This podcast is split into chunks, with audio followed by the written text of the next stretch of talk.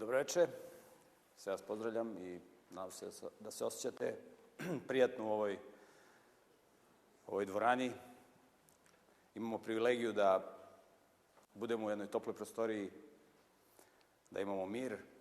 Na mnogim lokalitetima širom sveta ljudi nemaju tu privilegiju, tako da zaista imamo jednu prednost da možemo da se družimo i da razgovaramo o raznim temama. Verujem da ova tema koju ću ja govoriti i o kojoj ću govoriti generalno u ovom serijalu je vrlo interesantna i vrlo poučna. Mislim da možemo da naučimo i da ćemo moći da naučimo neke stvari, da saznamo koje će nam biti korisne za svakodnevan život. Znači, kao što sam juče rekao, namera ovih predavanja jeste da dođemo do nekih informacija, da skrenemo naš tok razmišljanja na neke stvari koje će nam pomoći da kvalitetnije bolje živimo. Da rešavamo probleme sa kojima se svakodnevno suočavamo. Znamo da ljudi danas imaju razne probleme, ekonomske, zdravstvene, bračne, ljubavne, političke i tako dalje i tako dalje. Iako na prvi pogled izgleda da darvinizam nema mnogo veze sa ljubavnim problemima i sa ekonomskim, vidjet ćemo da ima i tekako velike veze i da pravilno razumevanje onih tema koje dodiruje darvinizam, dakle, pravilno razumevanje tih tema osposobljava nas da možemo da rešavamo svakodnevne praktične probleme. I vidjet ćemo da razumevanje tema koje dodiruje darvinizam mogu da nam pomognu da duže živimo, zdravije živimo, da imamo bolje međuljudske odnose, da zaradimo više para. Je tako? Živimo u materialističkom svetu, to je preokupacija mnogih ljudi kako da zarade više para. Ali potrebno je da idemo korak po korak. Znači, ne možemo da rešavamo diferencijalne načine i ne možemo da rešavamo integrale ako ne znamo tablicu množenja. Ja znam da mnogi od vas ovde znaju tablicu množenja. Sećam se jednog mog rođaka, to je sin moje sestre, i on je bio jako slab iz matematike kad je bio mali, stalno je išao na neke popravne i tako dalje.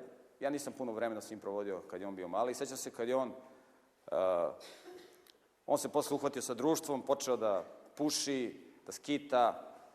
I jednom prilikom kad sam ja došao kod njih, on je tako počeo da se ponaša onako uličarski. Sećam se, ja sam, i on sad onako puši, ovako pravi se važan. Imitira nekog koga je vidio na televiziji, znate, jer uh, uglavnom deca imitiraju ono što vide na televiziji. Nažalost, glavna babysitterka danas jeste televizija. I deca, prema statistikama, provode veliki broj vremena na televiziji. Mi možemo da vidimo da deca imitiraju ono što vide od odraslih. I sad ovaj moj sestrić, on tako. I ovaj, njegova majka ga upozorava da ne puši u prostoriji tu da, da mi sedimo. I on kao šta me briga, tako, počinje tako da se ponaša na neki način. Ja mu kažem, a on ovako sam mršav, znate, onako, television man. Ja mu kažem, rekao, ovaj, tako malo mi isprovocirao, ja mu kažem, rekao, čoveče, rekao, vidiš kako izgledaš, vidiš kakav si sav zakršljao, pušiš, ponašaš se neozbiljno, vidiš kako si građen čoveče. Rekao, izgledaš ko bojler, kažem ja njemu. I on se ovako nasmeje što sam ja tako na... Ovaj, ali nije mu bilo drago. I posle toga mi se nismo videli jedno četiri godine. Ja sam bio na putu. Ja sam, I tu se on ovako naljutio na mene. I On mi je ostao u, u tom trenutku u uspomeni kao neko ko je neozbiljan, ko ne može da razume osnovne stvari vezano za školu, matematika mu jako loše išla. Posle četiri godine ja sam se čuo sa njegovom sestrom, sa njegovom majkom, s mojom sestrom, i ona meni kaže, ja sam nazvao telefon, rekao da im šta radi, bio sam na putu i tako, ima sam neke obaveze. I kaže, evo, hoće Teodor da te čuje, taj moj sestrić. Ja rekao, otkud on, ja znam, možda se naljutio se na mene ovo što sam, što sam se šalio na njegov račun, što sam ga ovako ukorio. I on kao, e, zdravo, desi, kao, aj dođi da se vidimo. I ja se iznenadio, bilo mi je drago, ja krenem i pravo kod njega. Kad mi, čim me pozvao, bilo mi je drago zbog toga. Ja kad sam došao kod moje sestre, kad vidim, to više nije onaj zakržali dečkić. To je sad momak od nekih 17 godina višlji od mene, širok, ko troklidni ormar, Kaže, gde si, kaže, Miroljube, ljubi se sa mnom. Kaže, izvini što te ja zovem Miroljube, ti mi dođeš ujak, ali, kaže, mi smo prijatelji, braća, drugari, nema nikakvih problema. Kaže, sećaš, kaže, ono kad si ti meni pre četiri godine rekao, kad sam ja tu se pravio važan i ovo, kad si ti meni rekao, ovaj, ono, kad si mi ukorio, da sam ja građan ko bojler. Rekao, sećam se. E, kaže, od onda sam, kaže, taj dan je bio ključan, kaže, za mene. Ja sam, kaže, ostavio, kaže, cigarete i, kaže, idem u teretanu, kaže, trčim svaki dan, jedem zdravu hranu, kaže, gledaj. I kaže, ja sam teo s tobom da popričam, kaže, pošto vidim da ti ovako poznaš neke stvari. Imaš još neku suge, sugestiju za mene? Pa ja kažem, ti si pametan čovjek, tvoja majka je bila dobar đak, otac ti je isto bio jako dobar student, svirao je gitaru, bio je perfektan u gitari, najbolji koga sam ja slušao možda. Rekao, ti da si bio, rekao, malo pameti, rekao, ti bi sad, ti si mogao da budeš ministar. Ja se šalim, a on kaže, e sad ministar, rekao, ti si pametan. Rekao, I kaže, pa dobro, daj nešto da, šta ćemo da radimo? Pa rekao, šta si ti ono završio škole? Pa kaže nešto vanredno, tamo osam razreda. I onda ja njega nagovorim da on upiše srednju školu vanredno. A ja ću da ga obučavam iz svih tih premeta. On kao, pa kaže, to je teško, kao, nemamo ga naš matematikama. Rekao, to je jednostavno čoveče. I onda smo mi krenuli. On nije znao da rešava jednu jednačinu sa jednom nepoznatom. Seća se prve jednačine, prvog zadatka koji sam mu dao, koji smo radili, bilo je 2x plus 5 jednako 3. On to naravno nije znao da radi, onda sam mu ja objasnio kako treba da prebaci sve nepoznate na jednu stranu, sve brojeve na drugu i kako se to radi. Posle smo prešli na razlomke. I taj mladić je za dve godine Uh, on je za veoma kratko vreme počeo da rešava uh, teške matematičke probleme, koji se rešavaju na fakultetu. I on kaže kako je ovo lako. Tako, čovek ima razne probleme u svom životu. Ali da bi mogo da rešava te probleme, on mora da se osposobi od početka, korak po korak. Mi smo juče govorili o dinosaurusima. To nije samo interesantna tema da gledamo neke ogromne životinje i njihove fosile i tako. Vrlo je, ta tema je vrlo važna zato što nam ukazuje da, aspekta, da sa aspekta biologije, sa aspekta fosila ili paleontologije, darvinizam ne može da egzistira. Mi smo videli na početku šta je mentor Charlesa Darwina, profesor Adam Sedgwick, njegov mentor iz biologije, šta je rekao, kakve će biti posledice, kada je objavljena Darwinova knjiga Posledna vrka, kakve posledice bi bile za ljudski rod i kako bi, se, kako bi moralna dekadencija nastupila ako bi njegova teorija prošla.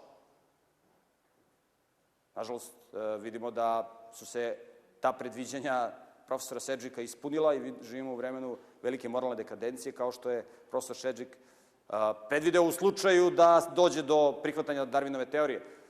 Ali on je rekao, kaže, ako bi došlo do prihvatanja tvoje teorije, ali hvala Bogu, tako nešto neće desiti. Ako sećate, ja sam vam juče pokazao taj citat. Videli smo da darvinizam, kao jedan jedna fundamentalna teorija za poslednje, za formiranje pogleda na svet, na polju biologije, na polju fosila, ne funkcioniše. Videli smo da su ljudi i dinosaurusi živjeli u isto vreme. Za one koji nisu bili juče na predavanju, a, želim da kažem i za one koji su sad na predavanju, da se ova predavanja snimaju, tako da jučerašnje predavanje možete nabaviti na DVD-u posle ove, ovog predavanja, tako isto i ova buduća predavanja ćete moći sutra da nabavite. U svakom slučaju videli smo da Prema darvinizmu, ljudi, dinosaurusi, nikada nisu živjeli zajedno. Dinosaurusi su navodno nestali pre 65 miliona godina, a ljudi su se pojavili pre 2 miliona godina, milion, dva, zavisi ko priča od darvinista. U svakom slučaju, a, po darvinizmu, ljudi dinosaurusi nisu živjeli zajedno. Mi smo juče videli da fosilni nalazi, otisci stopala i tako dalje i tako dalje ukazuju na sasvim drugačiju priču, ukazuju da su ljudi i dinosaurusi živjeli zajedno, da, se, da nije bilo nikakve evolucije, nego da postoji degradacija, da su nekada organizmi bili mnogo krupniji, da je mnogo raznovrsniji, mnogo raznoliki i da postoji dekadencija, a ne razvoj i evolucija. Jel, prema darvinizmu i prema toj teoriji evoluciji, čovek bi trebao da postane super čovek. Znači, mi sad smo evoluirali, mi smo se izdigli od životinja, a sad treba da budemo super ljudi, da budemo na nivou vanzemaljaca. Ako vanzemaljci postoje, ja ću inače u ovom, u ovom serijalu govoriti i o vanzemaljcima, za one koji vole o tome da pričaju. Znači, vanzemaljci nisu nikakva tabu tema, to je nešto što mi možemo naukom da testiramo i da i o tome pričamo. Znači, to nije tema samo za ljudi koji se bave science fiction, odnosno naučnom fantastikom. U današnjem predavanju govorit ćemo o, o a, najvećem čudu prirode, o mestu koje postoji na planeti Zemlji, koje svake godine obiđe više od 4 miliona ljudi, 4 miliona turista. Znači, mesto u prirodi, prirodna struktura, u pitanju jedna geološka struktura, u pitanju jedan kanjon. Dakle, lokalitet na koji dolaze ljudi i čude se šta se tu desilo. I, zašto, i kako je uopšte tako nešto moglo da nastane. Kada je Charles Darwin posmatrao kanjon reke Santa Cruz, on je kazao, vidi kako veliki kanjon, a kako mala rečica. Očigledno da su bili potrebni milioni, milioni godina da ova mala rečica formira ovako veliki kanjon. Znači, potekle su dugi vremenski periodi i ova mala rečica je formirala ovaj kanjon. Uh, najveće čudo prirode i najveći kanjon na svetu jeste kanjon Colorado. To je kanjon koji ste imali prilike da vidite na prvom slajdu i sada. U pitanju je kanjon u Sjedinjim američkim državama, Grand Canyon ili kanjon Colorado, ili Veliki kanjon, kako god hoćete, koji prolazi kroz četiri države u Sjedinjim američkim državama. I Amerikanci su zaista od ovog e, izuzetnog, od ove izuzetne strukture napravili biznis. Ako odete na kanjon Colorado, možete da iznamite čamac, znači možete da obiđete ovaj kanjon od, oz, od ozdo i da ga posmatrate. Gore na vrhu kanjona postoje prilazi da možete da stanete, parkinzi, da pogledate, postoje ograde, postoji taj visitor center da imate gde posetioci mogu da kupuju razne eksponate, knjige, postere i tako dalje i tako dalje. I takođe, ako želite malo bolje da pogledate kanjon Colorado iz aviona, to je velika atrakcija, to je zaista, to je doživlje koji ne može da se opiše. Znači, mi sad ovde gledamo slajdove, možete da pogledate video materijale, ali to ne može da dočara sliku onoga kada se to vidi očima. To kad jednom vidite, poželite da opet dođete da vidite. U samom slučaju, postoje agencije koje, znači možete odmah tamo pored iznemite avion i da, ili helikopteri da gledate kanjon Colorado od ozgo. Veliki broj ljudi upražnjava ovu opciju. Cena je već nekih od 100 dolara pa na gore, znači za već 100 dolara možete da se vozite, za, onog, za onoga ko ima novac. Znamo da ljudi troše velika, velika sredstva kada odlaze na letovanja, je li tako? Mislim da je mnogo, mnogo bolji provod da sednete na avion i da odete, znači idete avionom do Las Vegasa, tamo možete da iznamite automobil za 11 dolara na dan, mislim za jako malo para. Hoteli su jako jeftini, jer ceo taj region tu ima jako puno kockarnica, jer tu je Nevada, država Nevada, koja, ne, koja je pustinja, koja nema nikakav biznis, nikakvu ekonomiju, i onda su oni u toj pustinji napravili kockarnice, i onda ovi ovaj, vlasnici tih kockarnica hoće da namame ljude da dođu u kockarnice, pa su jeftini hoteli. Tako da imate krevet već za neki 20 dolara da iznemite u jako lepim hotelima. Ovaj, naravno, oni misle da ćete vi da se kockate, ali vi možete da idete da obiđete ovaj kanjon. Postoje tu i mnogi drugi geološki lokaliteti o kojima ja neću pričati, a koji su zaista fascinantni, koji su blizu kanjona Colorado. Tako da od Las Vegasa možete da iznamite auto i da obiđete za jako malo para i da potrošite mnogo manje para nego što ćete potrošiti kad idete na more i ili kad idete u inostranstvo negde na, na letovanja, provod će biti mnogo, mnogo bolji. Mnogo, mnogo bolji. Tako da, a, posle ovog predavanja možda neko sledeći godišnji odmor pođe na kanjon Colorado, inače dostup, pošto je zimi tamo hladno, onda a, sezona obilaska kanjona Colorado počinje tamo na proleće, negde od trećeg meseca, pa sve tamo negde do 10. 11. meseca. Severni deo kanjona Colorado već bude pod snegom, ali južni deo može da se posećuje već tamo ne do 10. 11. meseca. U svakom slučaju, zašto je kanjon Colorado najveće čudo prirode? Šta je to tu tako čudnovato? Da se ljudi čude. Pogledajte kako izgleda pogled od ozgo na kanjon Colorado. Imate jednu veliku planinu, dugačku nekoliko stotina kilometara. Jer vi kad dolazite na kanjon Colorado vidite ovako uzbrdo, penjete se uz planinu I onda kad se popnete na planinu, odjedno vidite ovako veliku rupu. Znači, vi se penjete odavde i tu dolazite uz rub kanjona i gledate ovu rupu ovde, taj kanjon veliki. I sad šta se dešava ovde? Imate da sa severa dolazi mala reka Colorado. U poređenju s ovim kanjonom, to je jedna mala rečica. I ona dolazi sa severa. I nailazi na ovu veliku planinu. Logično bi bilo da reka kada najde na veliku planinu, zaobiđe planinu. Nelogično bi bilo da reka ide preko planine. Međutim, šta se ovde dešava? Ovde se dešava da ova mala reka Colorado probija ovu planinu, formira veliki kanjon i uliva se u okean na jugu. Nešto neverovatno. Znači, planina je probijena, presečena. Zaista neverovatno. I formiran kanjon, dugačak preko 400 km, dubok preko 1500 metara, širok i do 30 km. Neverovatna geološka struktura. Evo da vidite blok diagram, odnosno geološki profil ovog, eh, ovog kanjona. Evo, pogledajte kako izgledaju ti slojevi stena. Evo ovde je kanjon Colorado. Znači, on je probijen tu. Kada dođete na kanjon Colorado, možete da vidite velike panoje gde se daje objašnjenje kako je nastao a, ovaj kanjon. Na tim panojima dato je darvinističko objašnjenje, da se kaže da je pre nekih 500-600 miliona godina na ovom regionu, gde je sada ovaj kanjon, da je tu bio jedan veliki okean. I na tom okeanu se polagano taložio sediment. Polagano. Znate, na dnu okeana sediment se taloži brzinom otprilike 1 mm na 1000 godina. Znači, veoma sporo. I tokom hiljada i hiljada miliona godina, kaže ovo objašnjenje, dakle, darvinističko objašnjenje, tu se taložilo sedimenti stena. Sedimenti, mulj, glina, kasnije to vremenom očasne, i tako se to taložilo, taložilo, taložilo, vidite koliko tu ima puno slojeva. 1 mm na 1000 godina.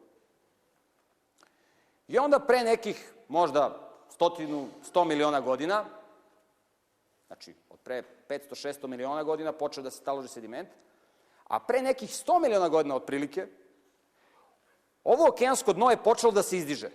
Znači tu je dalje okean, ali okeansko dno počeo da se izdiže, navodno odvijaju se neki tektonski pokreti od ozdo, neke sile, i okeansko dno se izdiže, izdiže se, izdiže se i pre 70 miliona godina ovo okeansko dno dolazi do površine. I tu više nema okeana, nego imate kopno. Pre 70 miliona godina. U to vreme tu je proticala a, reka Colorado, evo kao što možete da vidite ovde. I ta mala reka Colorado, takozvana predačka reka Colorado, koja je tu proticala, ona je polako formirala tu sebi put i formirala jedan mali usek. Međutim, ovaj teren sa tim velikim paketom sedimentnih stena koji su se taložile tokom miliona godina, kaže teorija, je nastavio da se izdiže i post, pre nekih 70 miliona godina, znači došao do površine i počeo je da se izdiže. Počeo je da se izdiže, da se izdiže, da se izdiže. A ova reka, mala reka Colorado i dalje tu proticala i prosecala te stene, taj sediment. I tako je došlo do formiranja kanjona Colorado u zadnjih 70 miliona godina, kaže, kaže ova teorija. I to možete da vidite na onim uh, velikim panojima, možete da kupite u onoj literaturi koja se tamo prodaje na kanjonu Colorado i tako dalje i tako dalje. Razno objašnjenja vezano za darwinistički, odnosno evolucionistički pristup. Međutim, da li je ovaj kanjon, kanjon Colorado, nastao na ovakav način? Da li kanjoni uopšte mogu da nastanu tokom dugog vremenskog perioda? Da li negde u prirodi možemo da vidimo nastanak kanjona? Na ovom slajdu možete da vidite jedan kanjon, takođe u Americi, u pitanju je Paulus kanjon, za koji znamo da je nastao u jednoj velikoj poplavi. Ovaj kanjon je 10 puta plići od kanjona Colorado, on je dubok 150 metara, Evo ovde sa strane možda vidite drveće, tu je ograda gde stoje ljudi sa strane. Dakle, 150 metara dugog, dubok kanjon, podsjećam kanjon Colorado je 1500 metara dubog. Svi geolozi se slažu i poznato je da je ovaj kanjon naslao, nastao u katastrofičnoj poplavi kada se jezero Mizula izlilo, došlo je do velike poplave, do taloženja sedimentnih stena, oni su nataložene sve ove stene u velikoj poplavi, onda je ta voda kada se povlačila izdubila kanjon i formiran je, formirana je ova struktura. Dobro zapazite ove zidove. Vidite ove vertikalne litice. Zapazite ove osuline ovde u podnožju. Dobro zapasite ovu strukturu. Znači, znamo da ovaj kanjon je nastao u uslovima poplave, velike poplave. Jer ćemo na sledećem slajdu pogledati kanjon Colorado i izvršiti upoređenje ovog kanjona za koji znamo kako je nastao i kanjona za koji ne znamo kako je nastao, za koji se smatra da je najveće čudo prirode. Pogledajte, kanjon Colorado. Pogledajte, identična struktura. Vertikalni zidovi, osuline i tako dalje. Pogledajte. E sada, postavlja se pitanje, da li to znači da je kanjon Colorado nastao u uslovima velike poplave? Ako je kanjon Colorado nastao u uslovima velike poplave, onda je zaista teško da zamislimo takvu poplavu, poplavu takih razmera koja je formirala kanjon dugačak preko 400 km i dubok 1000 metara i više. Darwin je kazao da kanjon nastaje tako što mala rečica, kako mala reka, a tako veliki kanjon. Kakav dokaz za evoluciju, za duge geološke periode, kazao Darwin. Međutim, da li je to tako? Vidimo, kada uporedimo Palus kanjon i kanjon Colorado, da su oni identični. Ali da li kanjon Colorado zaista nastao u uslovima poplave? Jedan od najznačajnijih događaja 20. veka, najznačajnijih geološki događaja 20. veka, jeste događaj koji se desio pre nekih, pre nešto više od 20 godina u državi Vašington, u Sjedinjim američkim državama. Događaj je vezan za jednu planinu, planinu Sveta Helena, i geolozi su primetili da ova planina podrhtava i da se ona izdiže svakoga dana za pola metra. I geolozi kada su ovo videli, rekli su, znate šta, ovde očigledno imamo da lava, vulkanski materijal iz dubine zemlje se podiže na gore i da će ovde doći do erupcije. Da će ova planina da eksplodira. I vlasti su upozorile ljude u okolini, turiste, stanovnike i tako dalje, da se izvrši evakuacija. I mnogi su napustili ovaj region, neki su ostali, rekli su ne, ne, mi nećemo da ostajemo, tu su grobovi naših predaka, nećemo ni za živu glavu da idemo, ako bude erupcija, ako treba da izginemo, izginućemo, ako bude zaista.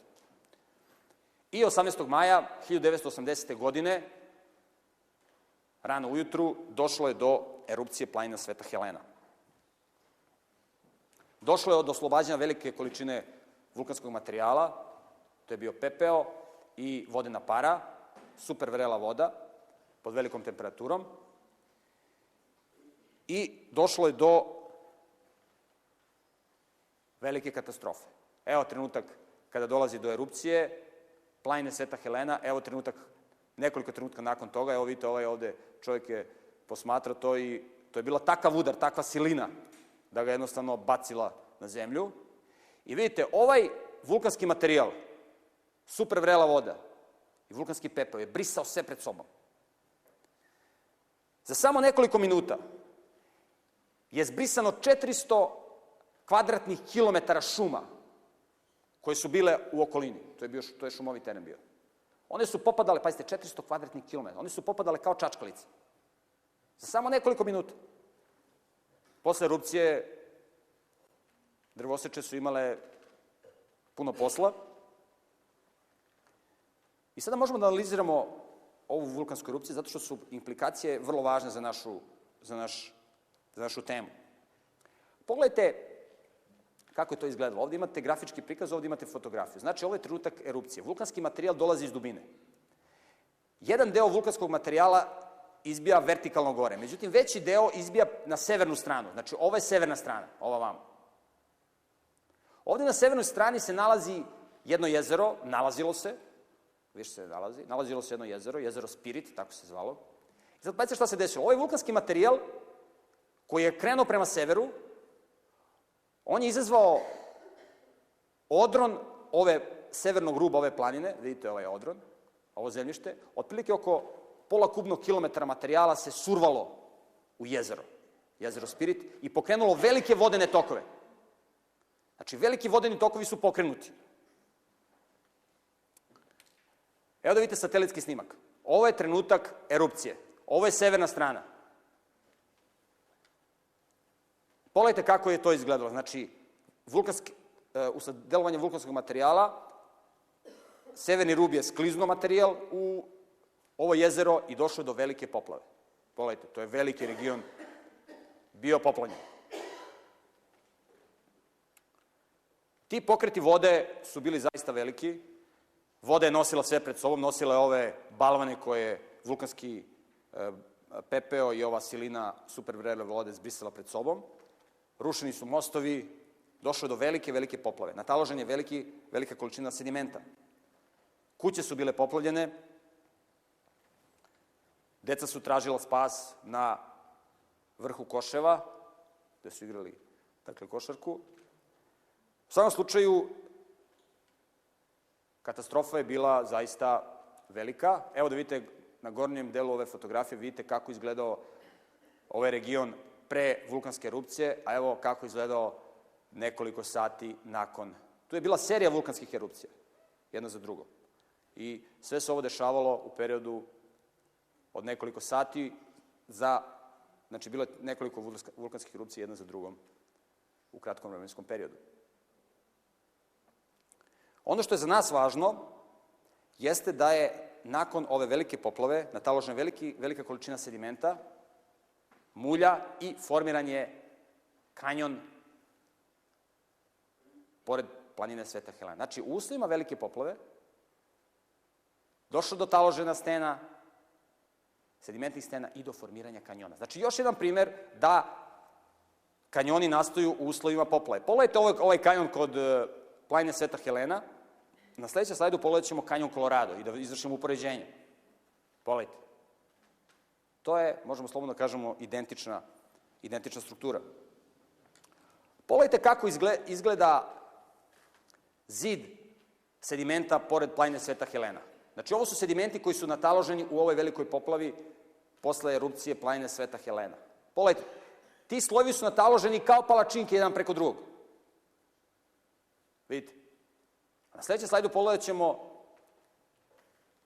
kako izgleda zid kanjona Colorado. Pogledajte. Isto. Kao palačinke, jedan preko drugog. S tim što kod kanjona Colorado imate regionalno rasprostiranje sedimenta. Znači, na nekoliko stotina kilometara, vidite, evo ovaj sediment, ovaj sloj, čak tamo. Znači, ovde je bilo taloženje na mnogo većem regionu, u mnogo većoj zapremini. Ako se ovde desila poplava, i ako je kanjon Colorado na taloženim uslovima velike poplave, pa onda je izdubljen takođe uslovom velike poplave, onda je ovo bilo nešto mnogo, mnogo veće i mnogo dramatičnije, što ne možemo ni da zamislimo.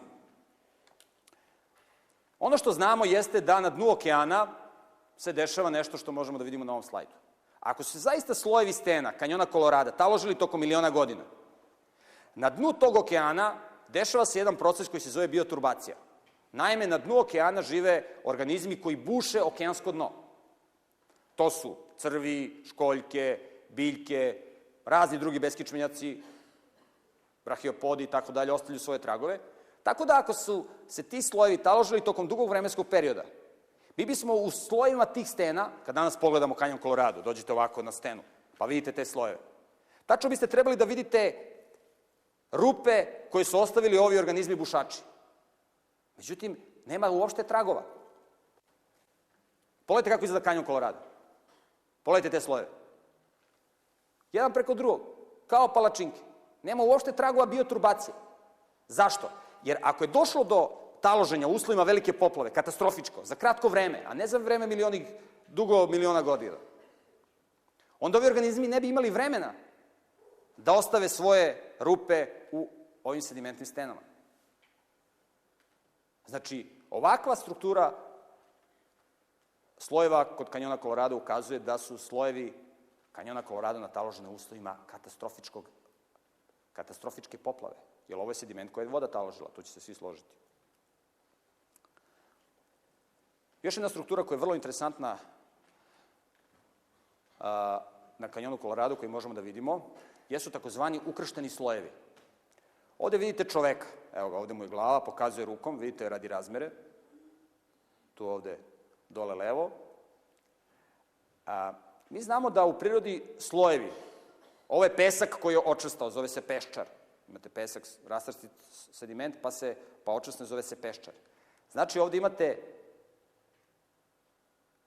sloj sedimenta koji je očestao, formirao stenu, koji je voda nataložila, to se svi slažu.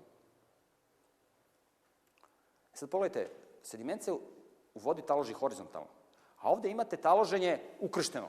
Znači ide pod jednim uglom, pa pod drugim, pa pod jednim, pa pod drugim i tako dalje. Ukršteni slojevi. Kako nastaje ukršteni slojevi? To u prirodi ćete jako teško da vidite. Jedan od događaja koji je izazvao formiranje ukrštenih slojeva koji su ljudi mogli da vide jeste događaj koji se desio 60. godina u državi Teksas, kada je uragan Karla. Imali smo nedavno a, jedan drugi uragan koji se zvao Katrina, ili Katrin. Ovde je bio u pitanju jedan drugi uragan, zvao se Karla, koji je pogodio obalu Teksasa. I on je došao sa okeana i nosio je, pokrenuo je velike količine vode. I ta voda je menjala smerove, išla u raznim, u raznim smerovima, kako ga je uragan nosio. I ta voda je nosila sediment, nosila ta, taj mulj. I kada se uh, Karla, uragan Karla povukao, obala Teksasa je bila opustošena, ali su geolozi mogli da uoče ukrštene slojeve koji su bili debeli samo 20 cm. Molim samo 20 cm strašni uragan Karla je formirao. A ovde imate pakete nekoliko desetina metara. Kad odete blizu kanjona Kolorada, postoji Zion nacionalni park. Tako se zove Zion. Tu možete da vidite 100 metara ukrštenih slojeva i više. Sad mislite kakav je to uragan trebao da bude, koji je nosio vodu, koji je nataložio 10 metara ili 30 ili 50 ili 100 metara ukrštenih slojeva. To je uragan kakav ne možemo da zamislimo. To su pokreti vode kakve ne možemo da zamislimo.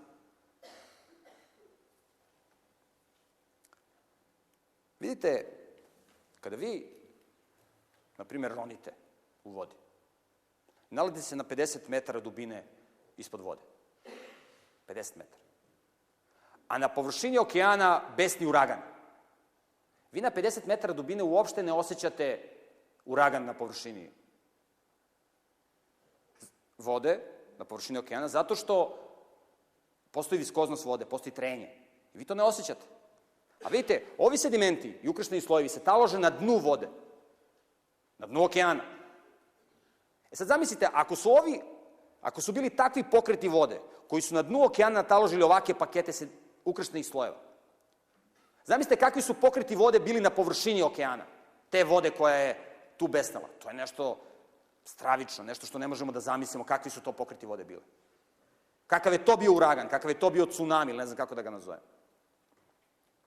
Takođe, još jedna struktura na kanjonu Colorado koja ukazuje na uslove katastrofičkog nastanka kanjona Colorado, uslovima ogromne poplove, kako ne možemo da zapislimo, jesu strukture koje zovemo nabori. Znači, ovde imate stenu koja je čvrsta, to je krečnička stena, i vidite kako ona plastično savijena. Ovde dole su ljudi radi razmera, vidite koliko su mali. Ovo su desetine i stotine metara, vidite. Kad biste jednom zidaru dali zadatak da napravi ovakvu jednu strukturu od betona, beton je inače veštačka stena, Veštačka, veštačka stena koju čovek pravi. Čovek posmatra šta se radi, šta se dešava u prirodi, pa onda kopira. Kada biste rekli jednom građanskom majstoru da napravi ovakvu jednu strukturu, ali u manjoj razmeri, kako bi on to mogao da uradi? On bi morao da nataloži beton i dok je beton mekan, da ga deformiše, jer ako de, beton očvrsne, vi ne možete da ga deformišete kada očvrsne. Isto je tako u prirodi. Vi stenu možete da deformišete samo dok je mekan. A znate, sediment kad se nataloži, on za vrlo kratko vreme postane čvrst.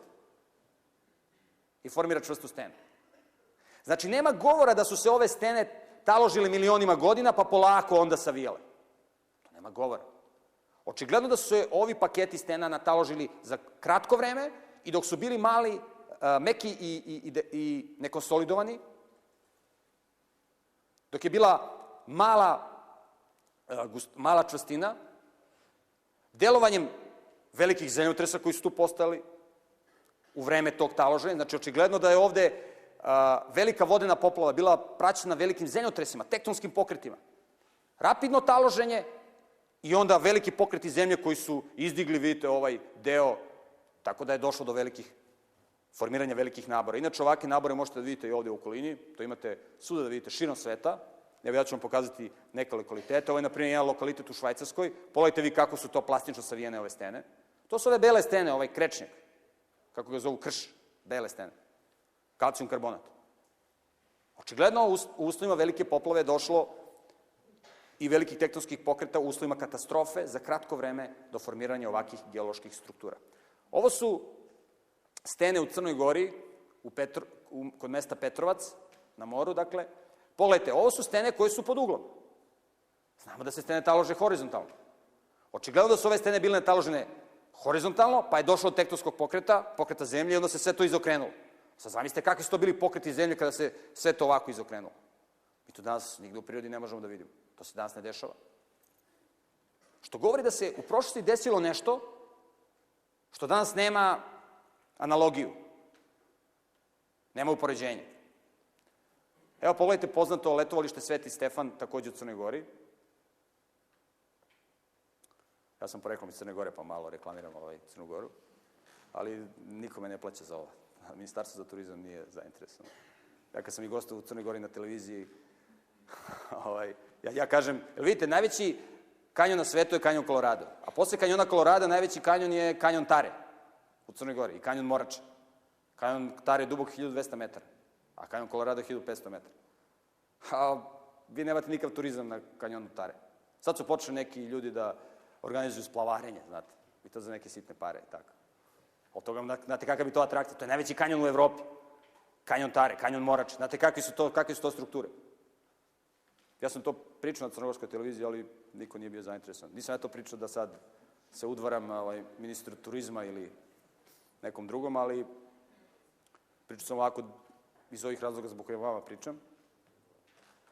U svakom slučaju, kada pogledate Sveti Stefan, evo pogledajte na kakvim stenama leži Sveti Stefan. Vidite, to su stene koje su pod uglom. Znači, to nisu horizontalne stene. Slojevitost nije horizontalna, nego je, znači, to je nekada bilo horizontalno, pa se ceo region izokrenuo, i sada te stene, vidite, to je skoro vertikalno. Vidite kako su, pod uglom. I tu na tom jednom, na jednoj maloj, na jednom patriljku, tu su ljudi sazidali kuće i napravili turističko mesto. Pogledajte okolina bara, takođe u Crnoj Gori, pogledajte ove stene kako su pod uglom. Vidite? To je naravno bilo nekad horizontalno. Stene ne mogu tako da se talože. Ceo region se izokrenuo i vidite kako je to. Pogledajte Durmitor, pogledajte kako stene. Uspravno. Zamislite kako je to bilo, kakve su to pokreti bili, kad se ceo region izokrenuo za 90 stepeni. Ono što je takođe još interesantno vezano za kanjon Colorado, što ukazuje na uslove velike poplave i katastrofičko taloženje, jesu pronalasci, tamo je pronađeno dosta fosila, ali ovde su pronađeni fosili a, organizama, takozvani nautiloidi. Ovo su organizmi koji su celastog oblika. I sada, zašto su oni interesantni za ovu našu priču? Zato što,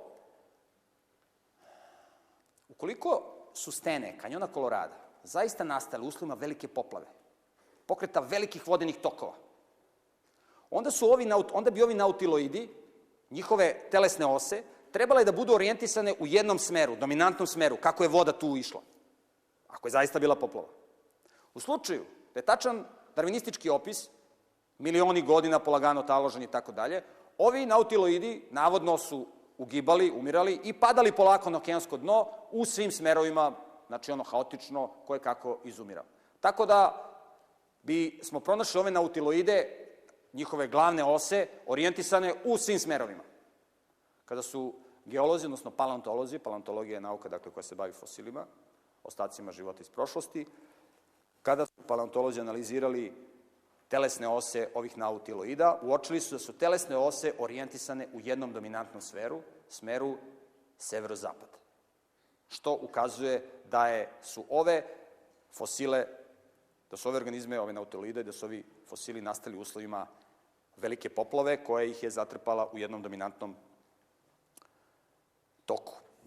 Takođe, među sedimentima kanjona Kolorada možemo da vidimo a, jedan krupno kamenje, evo ovde vidite čoveka, ovde mu je glava, vidite. Ovde iznad njega vidite jedan kamen koji ima prečnih 5 metara, to je veliki kamen, on je težak 20 tona. Sad zamislite kakav je to bio vodeni tok koji je mogao da pokrene kamen od 20 tona. Inače, ovaj sediment, svi, svi se slažu, je voda nataložila.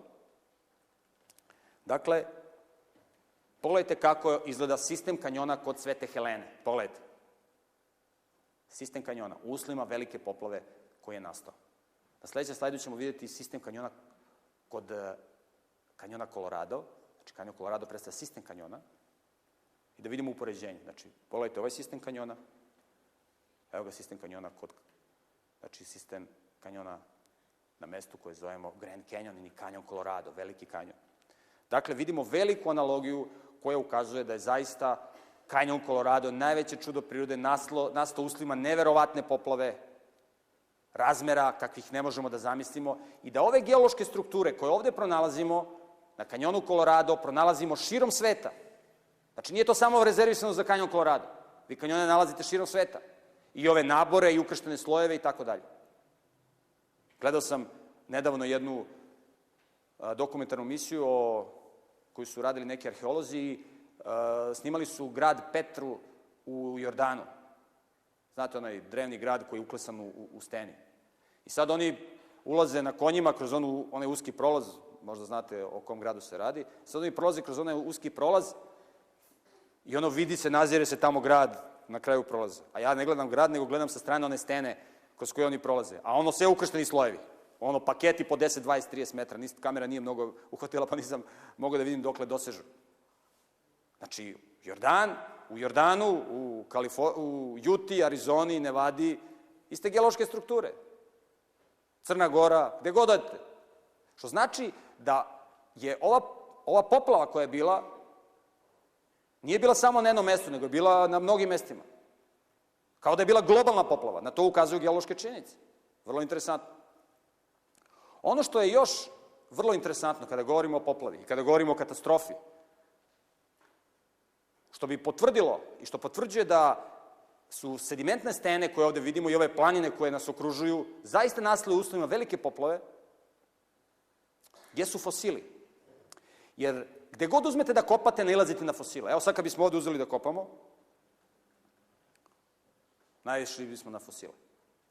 Znači, fosile pronalazimo širom sveta. I to u ogromnim količinama. Znači, ne samo na kanjonu Colorado, za koji se čude kako je nastao. Tu pronalazimo fosile nautiloida, pronalazimo fosile mnogih drugih organizama. Fosile pronalazimo širom sveta. Pronalazimo groblja, na primer puževa. Milijarde i milijarde puževa zatrpanih.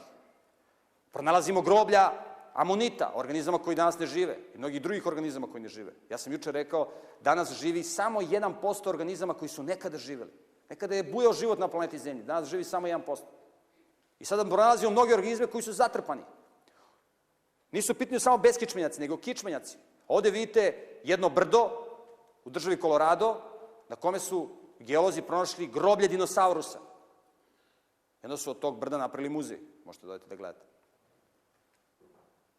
Kako je moguće da budu, da budu fosilizovani dinosaurusi? Da uopšte nastanu fosili. Vi nigde u prirodi ne možete vidjeti nastanak fosila. Jer znate, kad organizam ugine, on se raspadne. Naprimjer, jedan pas kada ugine, kad udare kola ili mačka ili jedna krava na selu kada ugine. Ona se raspadne. Dođu drugi organizmi, pojedu je, pod delovanjem kiselnika ona oksidiše, mikroorganizmi, gljivice, bakterije, razlože taj organizam i fosil ne može da nastane. U periodu od 1700. do 1900. godine U Americi izumrlo 65 miliona bizona i nijedan se nije fosilizovao. Nijedan. Znači, fosili u, prirodi ne nastaju. Međutim, darvinističko objašnjenje za nastanak fosila je sledeće. Oni kažu, i u normalnim uslovima fosili mogu da nastanu. I oni kažu, jedan, na primjer, bizon ili mamut ide traga za hranom. I on dolazi traga za hranom i dođe do jednog jezera, muljevitog jezera, znači tu je mulj, On tu ulazi da traži hranu, upadne u to muljevito jezero i ne može da izađe, vidite. On ne može da izađe i on pokušava, bori se, ali ne može da izađe. I na kraju nastupa smrt i kako, vidite, voda dolazi iz podzemnog izvora ili neka reka se uliva u to jezero, taloži se sediment i taj uginuli mamut biva zatrpan i posle nekoliko hiljada godina ili nekoliko miliona godina dolazi do erozije, ovaj gorni sloj se skine, vetar ga odnese ili se vrše neke građevinska iskopavanja i onda najđu na fosile. Znači, u normalnim uslovima, kaže, darvinizam i darvinistički orijentisani naučnici mogu da nastanu fosili. Međutim, ovo je samo hipoteza. U prirodi to ne možete da vidite. Slična situacija i sa ribama. Oni kažu riba padne na dno reke ili mora i tamo je polagano zatrpa sediment. Međutim, pogledajte ovaj fosil ribe. velika riba guta malu ribu. Ovo očigledno ukazuje na uslove katastrofičkog zatrpavanja. Da je ova riba živa zatrpana. Ovakih primjera fosila ima na hiljade. Ovo je još jedan fosil gde velika riba guta malu ribu, koji je pronađen na jednom poznatom paleontološkom lokalitetu u Nemačkoj, u Solenhofenu, što takođe ukazuje na uslove katastrofičkog zatrpavanja. Širom sveta pronalazimo fosile jata riba. Nedavno kad sam imao predavanja u, u Štutgartu, otišao sam da posetim uh, Prirodnjački muzej u Štutgartu i video sam, tamo imate velike panoje, gde imate ogromna kamena tabla sa fosilima riba. I onda kad sam to video, imao sam predavanje u petak, subotu i nedelju, uveče, vikend predavanje, onda kad sam ja, ja sam došao u četvrtak, a u petak ujutru sam otišao a, da obiđem taj muzej. I kad sam vidio te fosile, bili su i dinosaurusi i neki drugi fosili koji ću vam ovde prikazati, onda sam u nedelju vodio ljude da vide, a, da vide ove fosile, tako da ako se nađete negde u nekom većem gradu koji ima prirodnjački muzej, možete da vidite, moćete da vidite ovakve fosile, znači fosile riba koje ukazuju fosile jata riba. Na primjer, u Americi na jednom lokalitetu na površini od nekoliko kvadratnih kilometara je zatrpano jato riba. Sad zamislite kakav je to bio agens koji je nataložio sediment i zatrpao jato riba, što očigledno ukazuje na uslove katastrofizma. Pogledajte kako izgleda fosil ribe, vrlo interesantno. Pogledajte, otvorena peraja, repna, trbušna, leđna, što ukazuje da je ova riba živa zatrpana. Jer pazite, riba kad ugine, prestane rad mišića i peraja se zatvore. Znači, nemoguće je da riba ugine da padne na okeansko dno i da tamo bude zatrpana. To je nemoguće. Očigledno da ovde imamo još jedan primer katastrofičkog zatrpavanja. Na ovom slajdu možete da vidite fosil jedne ptice. U pitanju je ptica koja je zatrpana na okeanskom dnu. Sad zamislite scenario da ptica dođe na okeansko dno i da tamo bude zatrpana. Mi znamo da je ova ptica zatrpana na okeanskom dnu zato što je ovo sitnozrni sediment, pod broj 1. Sitnozrni sediment se taloži na velikim dubinama. Redki su slučajevi da se sitnozrni sediment taloži uh, u priobalju, to su redki slučajevi, kao što su slučajevi lagune, ali to je jako redko. Ovde je u pitanju dubokomorski sediment, Znamo da se na površini uz obalu obično taloži krupnozrni sediment kao što je šljunak, pa kako idete dublje ide pesak i tako sve e, redom, sve sitni i sitni sediment. Nekad imate i, u obali, i uz obalu i pesak. Ali uglavnom kako idete na dno okeana, sve dubo, na dnu okeana imate sitnozrni sediment. Da zna, takođe znamo da je ovo dubokomorski sediment zato što su, pored ove ptice, pronađeni dubokomorski organizmi, amoniti. Sad zamite scenariju, dubokomorski organizam, amonit iz roda opelija, zatrpani zajedno sa pticom. Sad zamislite kakav je to, kakvi su to bili pokreti, da se okeansko dno izdiže, da, da poplava nanosi pticu na to okeansko dno, da bivaju zatrpani i dubokomorski organizmi i kopni organizmi. S tim što ovde nemate jednu pticu. Ovo je takođe pronađeno u Nemačkoj, u Solenhofen. Ovde imate jato ptica, pronađeno je sedam ptica. Slavite scenariju da jato ptica bude zatrpana. Ja sećam kada je jedan darvinista objašnjavao kako je, kako, kada je on tražio, davao objašnjenje, ja sam mu postavio pitanje, i on kaže, kaže, znate, ovo jeste sitnozrni sediment, ali kaže, ova ptica je očigledno zatrpana u laguni. Znate, laguni su ovako jezera, kao mala jezerca uz, uz obalu, i onda postoji jedan, jedna barijera, kao jedan zid koji razdvaja, kao jedan mali basen, prirodni bazen, i onda razdvaja taj bazen od okolnog uh, okeana. I onda su tu mali pokreti vode i tu se taloži sitnozrni sediment. To su redki slučajevi, ali postoje. I on kaže, očigledno, pošto je to sitnozrni sediment, nije to dubokomorski sediment, jer on ne može sa darovničkog aspekta da objasni ovu pticu dubokomorski. I on kaže, kaže, tu se, kaže, tu je ta ptica letela i kaže, zakucala se, kaže, u lagunu.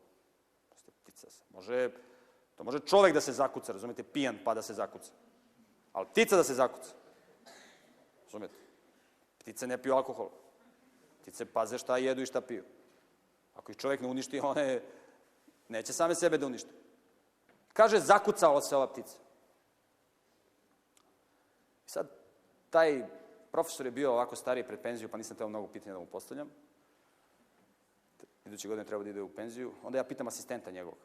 Rekao, izvinite, kako ovo? Rekao, pa kaže, šta vam je rekao profesor? Pa kaže, ova ptica letela pa se zakucala. Pa kaže, ako je tako rekao, onda tako neka bude.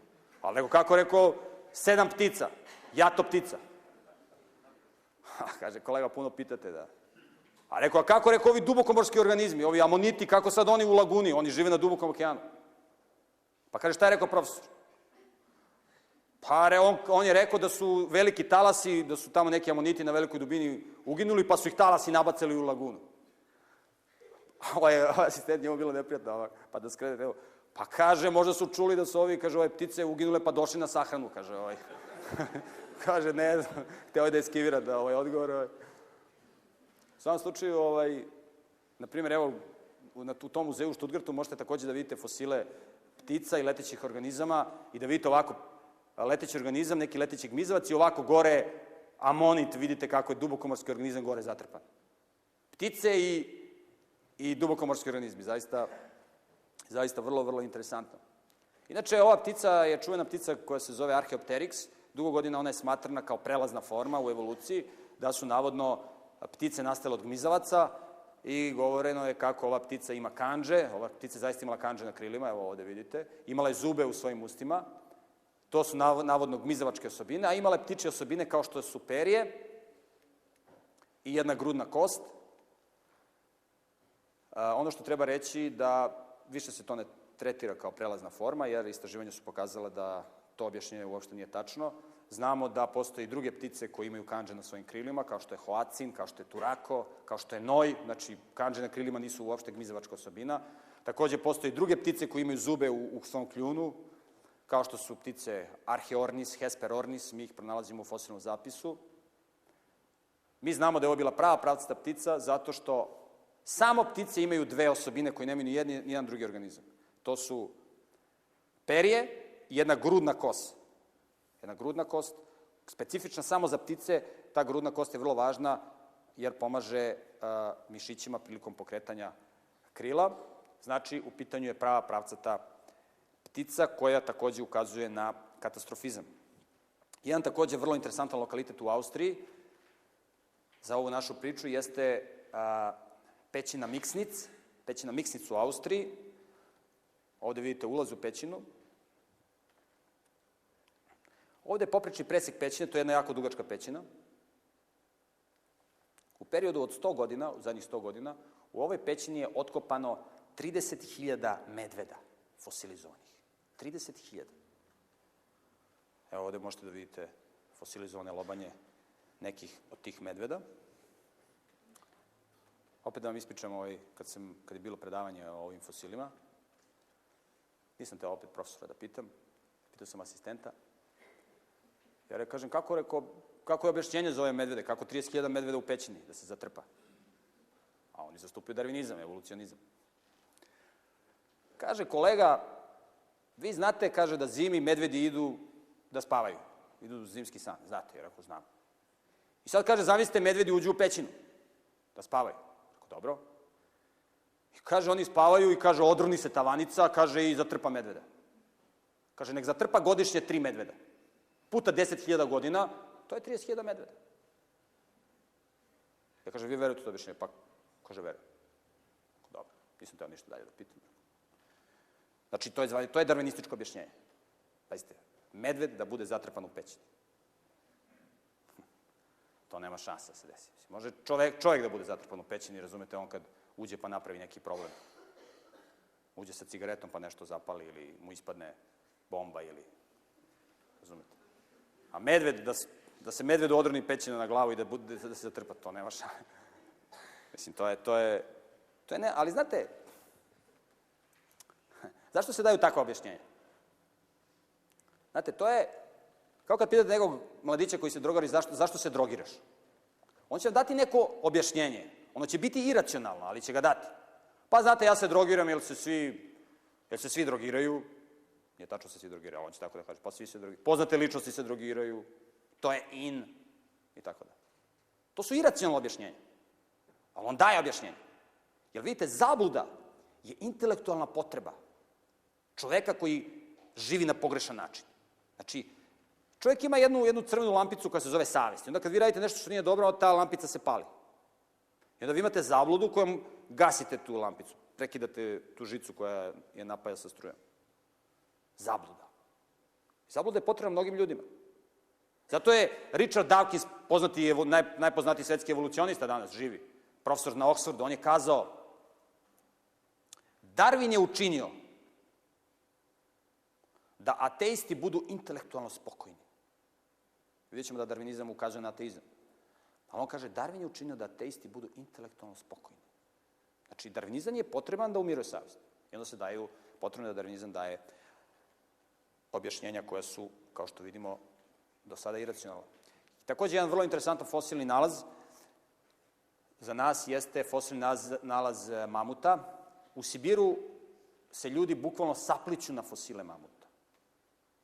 To je duboko zaleđeni, sedime, duboko zaleđeni led, zaleđena, zaleđeni mulj, i tu imate duboko smrznute mamute, lavove, tigrove i druge životinje, ali mam, mamuta ima najviše. I onda leti, kada su kratka leta, traju par sedmica, u Sibiru dolazi do otopljavanja i onda se iz leda ovako viri mamut i dolaze vukovi i kidaju meso, kao da su u zamrzivaču. Istorijski izveštaj pokazuju da u zadnjih nekoliko vekova, možda ih više od hiljadu godina, postoji velika, veliki biznis, veliki izvoz slonovače iz Sibira u Kinu i u druge države sveta, jer tamo se pronalaze, jer, mamuti su bili slonovi koji su imali dlaku na sebi. Ali ta dlaka nije bila, nije to bilo ne znam kako krzno. To je otprilike krzno, vršna su istraživanja, kao krzno uh, leoparda, lava, tigra i tako dalje. I sad ono što je interesantno, jedan naj, procenjuje se da u Sibiru uh, danas ima još negde oko 5 miliona mamuta duboko zaleđenih. To su procene. Možda ih ima i više. Ali međutim, jedan od najinteresantnijih uh, fosilnih nalaza mamuta jeste ovaj Beresovka mamut, koji ovde vidite, koji je pronašao i koji je analizirao profesor Sukačev. Ovde vidite rekonstrukciju u muzeju, u Prinječkom muzeju u Sankt Petersburgu. Ovaj mamut je interesantan zato što su u njegovom želicu, u njegovom želicu je pronađeno nekoliko desetina nesvarenog tropskog bilja. Znate kako je jaka želudačna kiselina? Ona rastvori za veoma kratko vreme biljku. A ovde je sačuvan pigment hlorofil. Pigment hlorofil je vrlo nestabilan molekul. Sad zamislite kako je bilo to duboko zale, zaleđivanje i zamrzavanje kada je sačuvan pigment hlorofil u želucu. U njegovim ustima su, je pronađeno nekoliko vrsta biljaka, neke mahunarke su pronađene. Takođe tropsko bilje. U želucu, u ustima. I paleontolozi su bili šokirani kada su ovo pronašli. I onda su zvali stručnjake za smrznutu hranu. I onda ovi kad su došli, jer ovi paleontolozi nisu znali da objasne šta se tu desilo. I onda su ovi rekli, kaže, znate, ovi mamuti su očigledno pasli na nekoj tropskoj livadi. Pasli su. I odjednom je došla neka voda velika. Temperatura se spustila na minus 101, 105 stepeni Celzijusovih. Na preko minus 100 stepeni Celzijusovih. I došlo do dubokog zaleđivanja. Jer moralo je da bude mnogo niska temperatura da bi došlo takvo zaleđivanje da bi se sačuvale biljke u utrobi želuca. Kaže, mi ne znamo šta se tu desilo, ali ovo je scenario koji jedino je logičan. E sad, odakle ta voda i otkud niska temperatura, to kaže mi ne znam. Očigledno, uslovi velike, velike katastrofe. Ako sećate, ja sam juče govorio o tome kako fosilni zapis pokazuje da su klimatski uslovi na zemlji nekada bili mnogo drugačiji, da je umerena klima bila na svim meridijanima, u svim regionima, da je tropska klima bila i na severnom polu, ne samo u Sibiru. To ukazuje, na to ukazuje fosilni zapis. Evo ga još jedan zaleđeni mamut, jedan mali za mamut. Dali su mu ime Dima. Takođe, kada govorimo o krupnim organizmima koji se, koje pronalazimo, ja sam juče govorio o dinosaurusima, Dakle, dinosauruse pronalazimo širom sveta, njihove fosile. Dinosaurusi su, kao što sam rekao, bili veličine kokoške do zgrade od pet spratova. Znači, bili su i mali i veliki. Evo ovde na ovom slajdu možemo da vidimo nogu jednog krupnog dinosaurusa. Videli smo da na mnogim lokalitetima pronalazimo groblja dinosaurusa, što takođe ukazuje na uslove katastrofičnog zatrpavanja. Zamislite dinosaurus da bude fosilizovan. Zamislite kakav to sediment mora da ga zatrpa da bi se on fosilizovao. E sad vidite šta je interesantno. Ovde u Koloradu gde su pronađeni fosili dinosaurusa. Ovo su inače biljojedi. Vidite zube, fosilizovane zube ovih dinosaurusa i tačno vidite da su bili biljojedi. Na osnovu zuba možete da procenite da li su bili biljojedi ili mesojedi. Ovde nema nigde fosila biljaka. Jer ako su oni tu živeli pa su uginuli pa su polagano zatrpani, trebali da budu fosili biljaka tu koje su oni jeli. Znate koliko, koliko može jedan dinosaurus da pojede? Očigledno da su ovi dinosaurusi bili zatrpani, nošeni vodom i samo tu zatrpani. Inače, ova formacija, ovaj sloj stena koji, u kojem su pronađene ove, ovi fosilni ostaci dinosaurusa, pripadaju čuvenoj Morrison formaciji koja se nalazi u Sjedinjim američkim državama, koja pokriva 1 milion kvadratnih kilometara. Po sredini Sjedinjim američkih država ovako pokriva. Sad zamislite kakav je to bio vodeni agez. To je, to je a, formacija koja je debela negde i do 30 metara. Sad zamislite kakav je to bio vodeni agens koji je nosio sediment i nataloži ga na milion kvadratnih kilometara u debljini 30 metara i zatrpao sve pred sobom. Takođe, širom sveta pronalazimo fosilizovana jaja dinosaurusa i takođe pronalazimo interesantne fosile gde imamo da se mali dinosaurus izleže iz jajeta.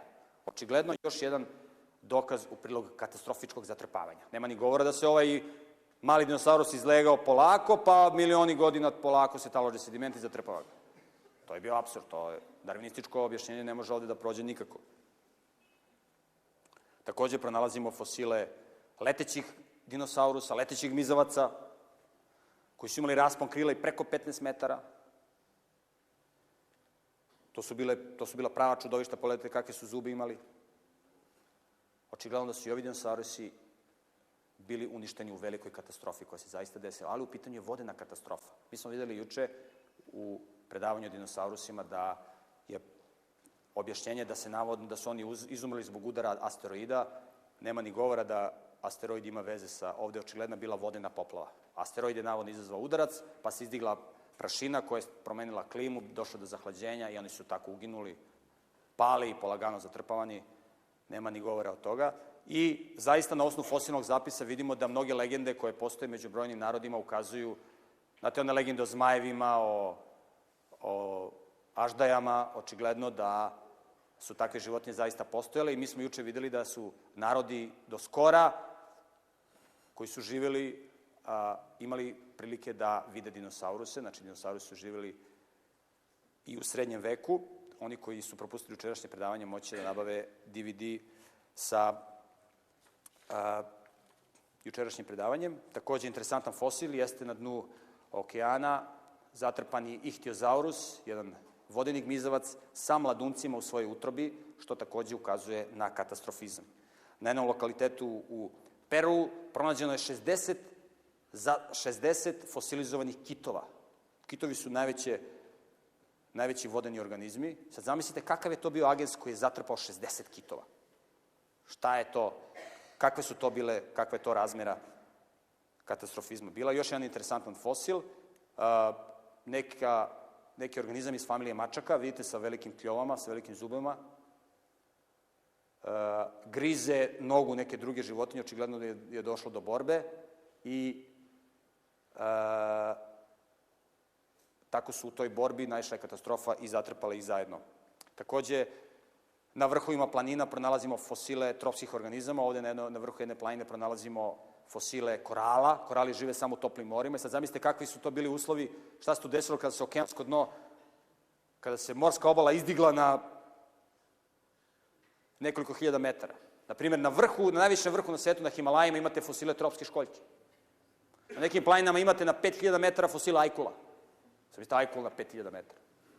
Kakvi su to bili pokreti, kako je to bilo zatrpavanje. Ovde vidite fosil jednog insekta. Insekti su vrlo nežne, nežni organizmi sa nežnim strukturama. Pogledajte kako su lepo sačuvani njihova krila, kako je to bilo očigledno katastrofično zatrpavanje. Takođe pronalazimo fosile meduza. Meduza ima 98% vode. Ona kada izađe na obalu, ona je kao, kao neka skrama. Očigledno, u sitnozemnom sedimentu je ona bila spljeskana i ostavila svoj oblik. Evo još jedan, još jedan još jedna fosil jedne meduze, gde na osnovu ovih lobova možemo tačno da odredimo kojoj je vrsti pripadala. Takođe, širom sveta pronalazimo fosile listova. Znate da list kad padne sa drveta, on se osuši, ništa od njega ne ostane. Ovde vidite kako su fino sačuvane strukture lista. Ovo je ginko. Fosila listova imate širom sveta u svim prirodnjačkim muzejima na milione. Takođe, ugalj predstavlja fosilizovan biljni materijal. Sad zamislite, da bi nastao jedan metar uglja, ovde vidite ovaj štap, to je jedan metar dužina. Da bi nastao jedan metar uglja, potrebno je 2 do 20 metara biljnog materijala. Sad zamislite koliko je bilo ovde biljnog materijala, kakva je to bila bujna vegetacija i kako je to moralo da se zatrpa. I po, jer ugalj nastaje pod delovanjem temperature i pritiska. Znači, dolazi do zatrpavanja biljnog materijala pod delovanjem temperature i pritiska, dolazi do metamorfoze i biljni materijal se pretvara u ugalj.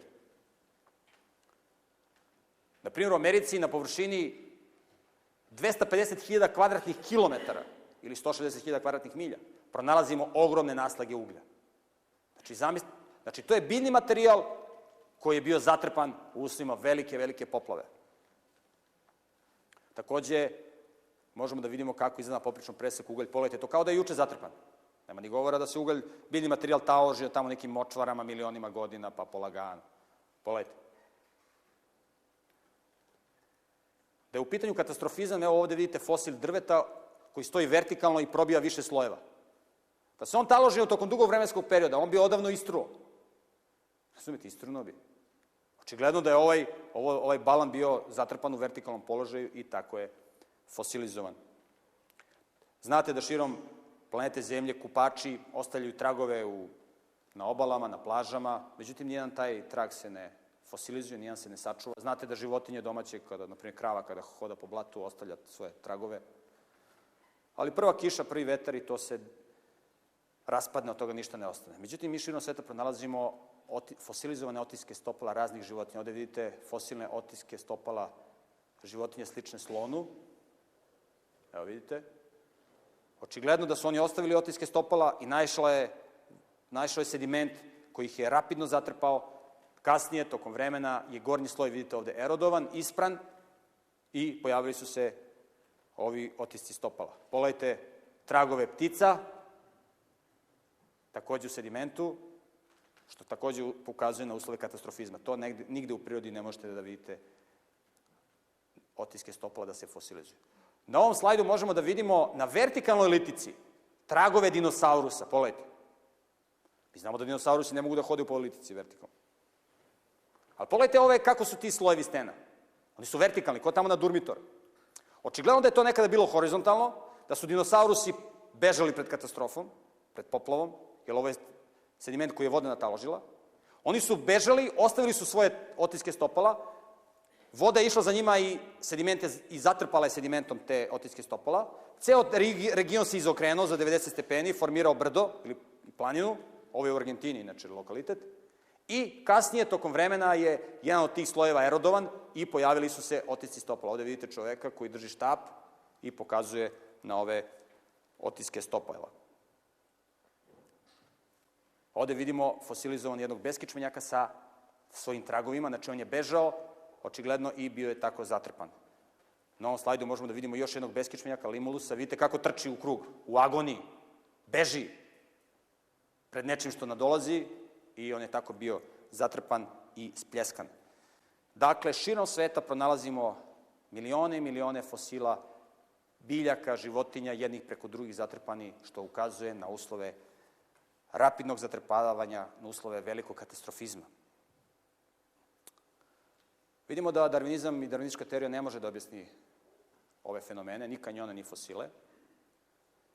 Sa druge strane, videli smo, ja sam juče spomenuo da kada govorimo o dinosaurusima, postoji samo jedan istorijski izveštaj koji je kompatibilan sa fosilnim zapisom vezan za dinosauruse. To je istorijski izveštaj koji je zapisao jevrijski istoričar Mojsije. Takođe, kada govorimo o velikom katastrofizmu, takođe, opet možemo da vidimo da jedino Mojsije govori o velikoj poplavi koja je pogodila planetu Zemlju pre nekoliko hiljada godina, u kojoj je uništen celokupan biljni i životinski svet. Sačuvana je samo jedna mala grupa ljudi na jedan poseban način. U svakom slučaju vidimo da taj istorijski izveštaj, Mojsijev istorijski izveštaj, je u skladu i sa dinosaurusima i sa ovim što pronalazimo vezu za stene i fosile.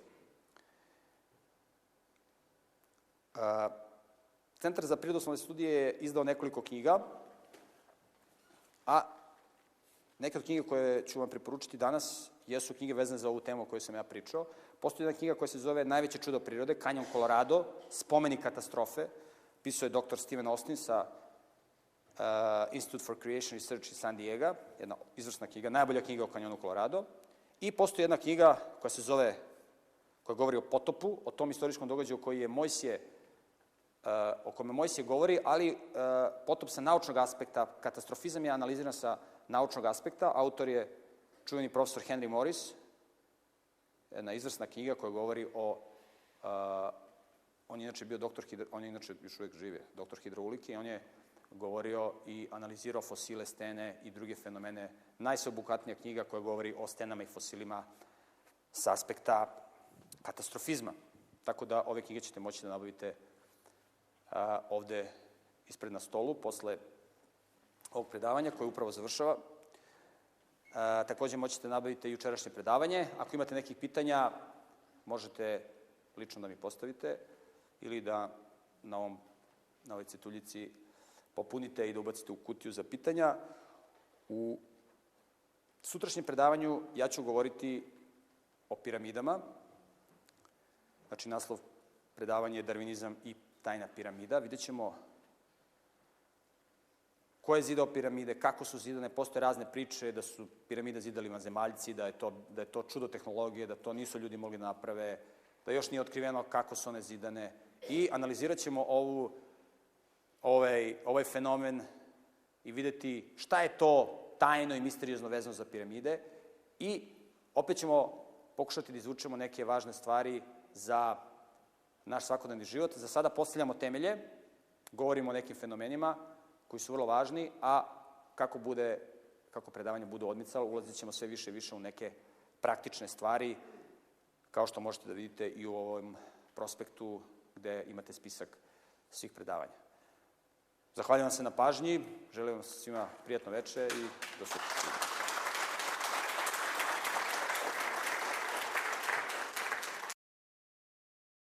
Preporučujemo vam sledeće naslove. Nauka i problem smrti. Biblijski potop. Veliki prasak je eksplodirao. Postanje. Bitka za Bibliju. Poslednji dani planete Zemlje Tehnologija samouništenja. Od Darvina do Hitlera. Deco, Darwin nije znao istinu. Čudo stvaranja kod biljaka. Čudo atoma. Zakoni zdravlja i izlečenja. Kako sam pobedila rak. Izlaz iz depresije. Ova i druga izdanja poručite na www www.cps.org.ju ili na telefon 062 200 046.